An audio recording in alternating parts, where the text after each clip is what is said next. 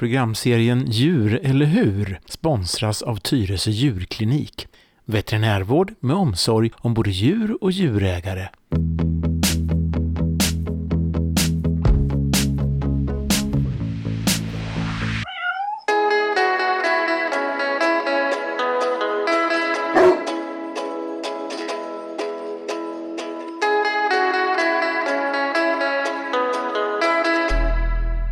Välkommen till programserien Djur eller hur? Jag heter Lelle Viborg och du lyssnar på Tyresöradion. Djur eller hur är en serie korta program om allt som rör våra husdjur. Och det här är det första programmet. Och då ska vi besöka Marika Boman. Marika är veterinär, allmänpraktiserande men har som specialitet våra husdjurs tänder. Vi har fått in några frågor också som vi ska ställa till Marika och höra vad hon har för svar på dem. Så hjärtligt välkommen till det första programmet i serien Djur eller hur? Då sitter jag här med eh, Marika Boman som är veterinär och har kommit sladdande upp för trappan här i full fart. Eh, hur har du haft det idag Marika? Välkommen! Jo tack, jag har, eh, jag har haft ett tanddag så att jag har hållit på med tänder hela dagen. Eh, och eh, ja, det, det kan... Man vet aldrig hur lång tid patienterna tar. Det är det som är det svåra för oss. Mm. Eh, eftersom man inte kan... Man, även om man, hunden är jättesnäll och man får titta långt bak i munnen även när den är vaken så vet man aldrig riktigt. Det är precis som för oss. Man behöver mäta tandfickor och sådana där saker. Så det, det är ju sådana saker som, som... Ibland upptäcker man saker som man inte ser med blotta ögat som mm. sitter på djupet. Mm. Mm.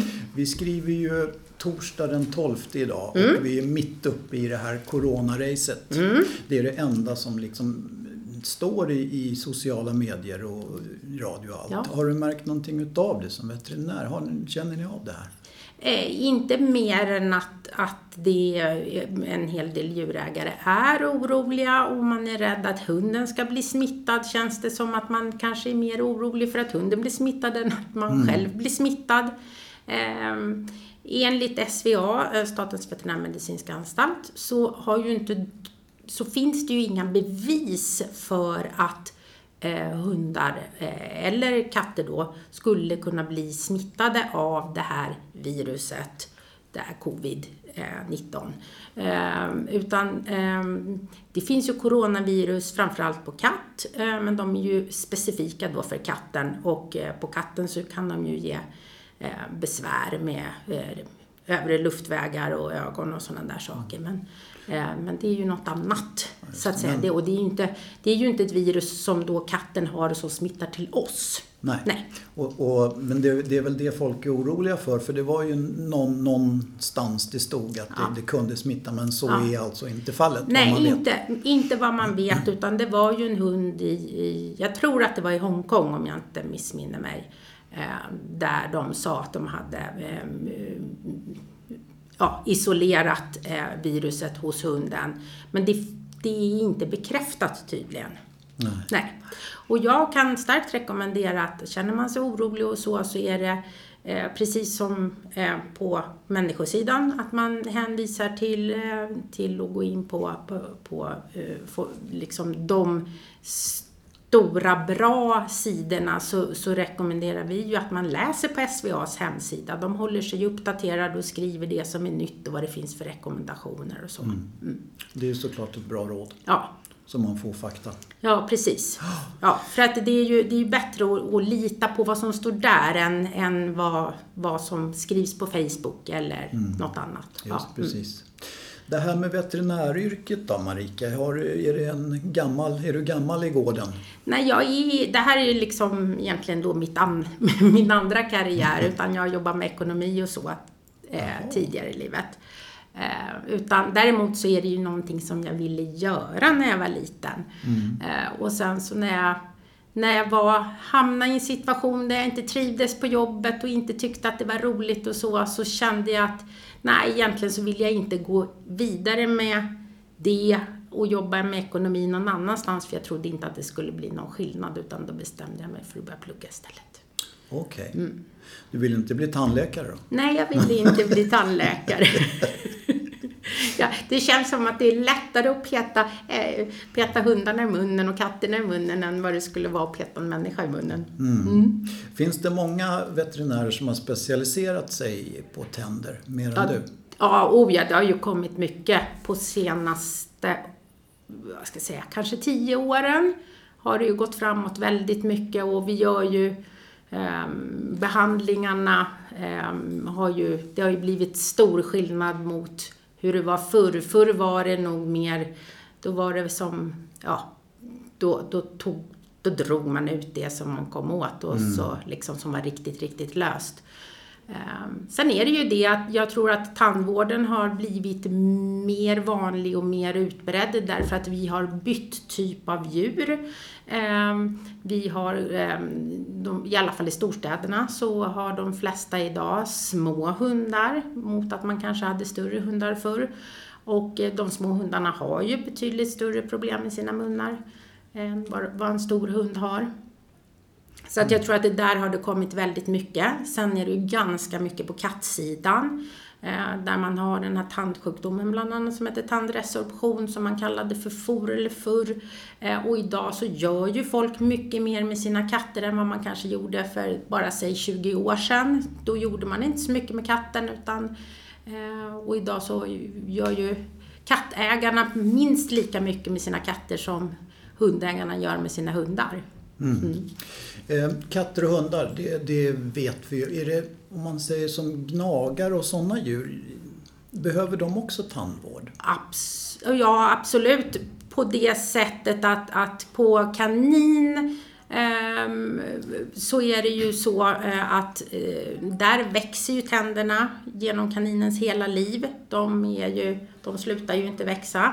Och äter kaninen fel mat, det vill säga Eh, man äter inte 80% hö, 90% hö och, och eh, resten lite bladgrönt och sånt utan man äter massor med saker som bananer och vindruvor och eh, massor med pellets och så. Då slipas inte tänderna som de ska och då får kaninerna tandproblem. Sen har ju även på kaninsidan det blivit mer populärt med de riktigt små dvärgraserna och även till och med att man har fått börja få kortnosiga kaniner.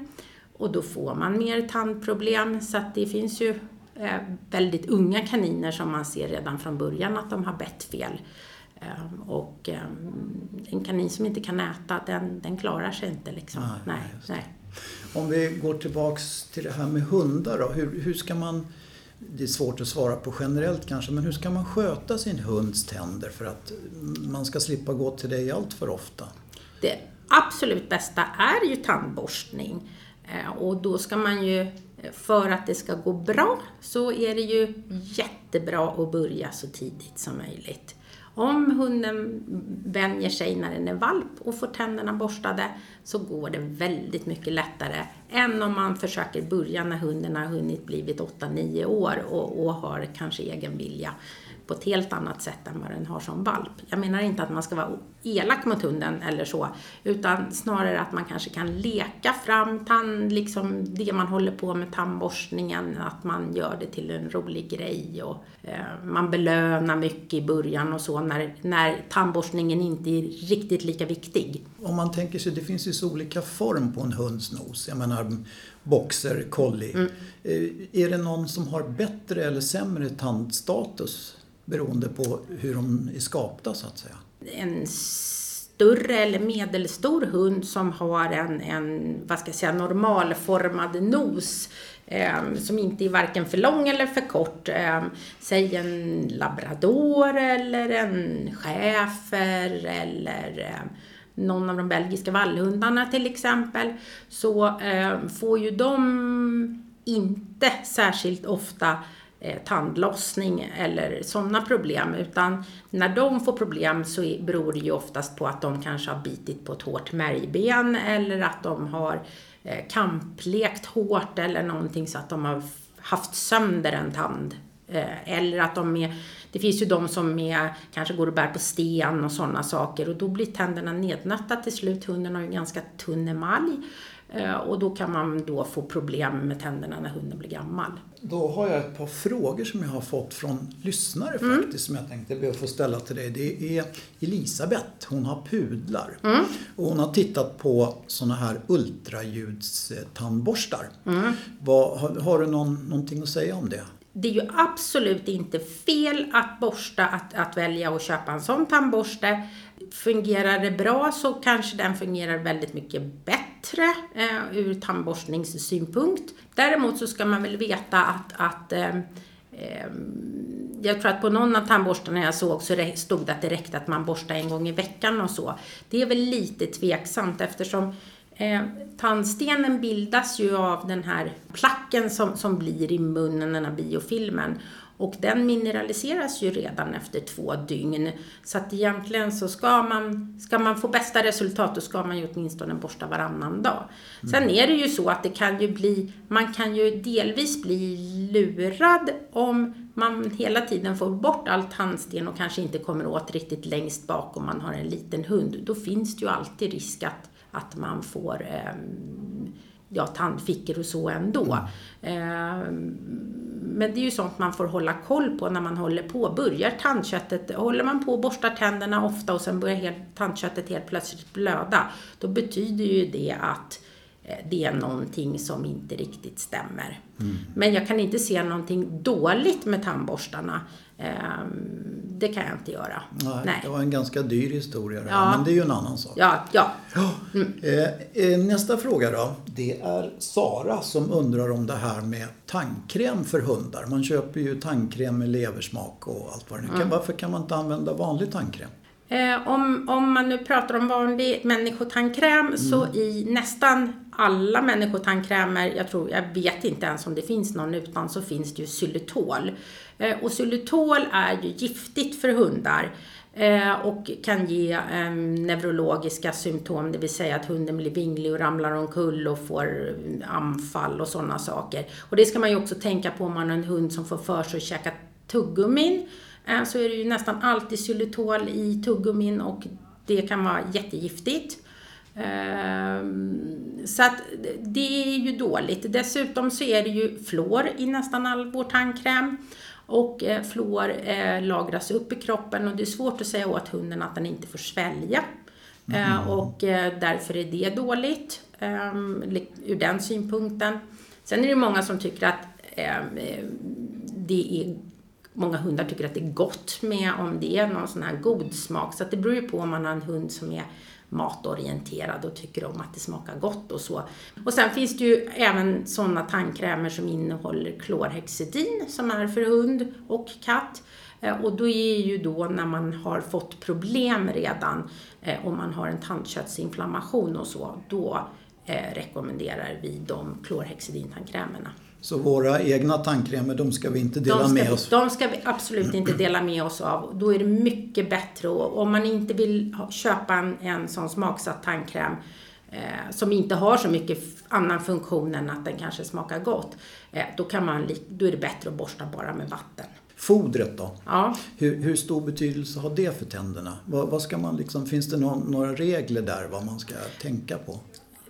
Nej, egentligen så tror jag inte det utan eh, det, man, det som i sådana fall man ska tänka på det är ju att inte ge hunden eller katten söta saker. Alltså för mycket kakor och bullar och sådana saker är ju inte bra. Eh, sen de här foderna som ska ge eh, hjälpa till att ta bort tandsten och de här tuggbenen som ska vara bra för tänderna och så. Man kan möjligtvis se det som komplement men det, det finns ingenting som är lika bra som tandborstning. Jaha, där ser man. Då har vi fått lära oss det också. Ja. Framtiden då? Vad, vad, vad säger den? Vad, vad, du tänker fortsätta med tänder eller ska du vidare i livet? Nej, men det är nog vi, vi, vi kör ju på och sen så får man ju se hur länge man orkar. Det är ju, att hålla på med tänderna är ju ändå sånt som, det sliter lite på händer och armar när man står och jobbar och, och, och, på ställningen som, som man håller på med. Det är nog de, om det finns någon tandläkare som lyssnar så vet de ju själva också, även om jag tror att vi, vi får jobba lite hårdare för att få ut hundtänderna. För de är ju, de flesta hundtänderna har ju tre rötter eh, av de som sitter längre bak i munnen eh, och de har gärna krokar på sig eh, för att de ska sitta bättre kvar i käken. Så att, ja, ibland får man jobba. Ja, ja mm. så du slipper gymmet alltså? Ja, ja just, just när det gäller händerna och armarna så i alla fall. Ja, ja, ja. Mm. Men då tror jag att jag har fått en massa bra svar ja. som jag tror att folk kommer att uppskatta. Ja. Så jag ber att få tacka så mycket för att jag fick komma hit. Så hörs vi vidare. Ja, tack. Du har lyssnat på det första programmet i serien Djur eller hur? Där har vi träffat Marika Boman och fått svar på frågor angående våra husdjurs tänder. Jag heter Lelle Viborg och du lyssnar på Tyresöradion. Programserien Djur eller hur sponsras av Tyresö djurklinik. Veterinärvård med omsorg om både djur och djurägare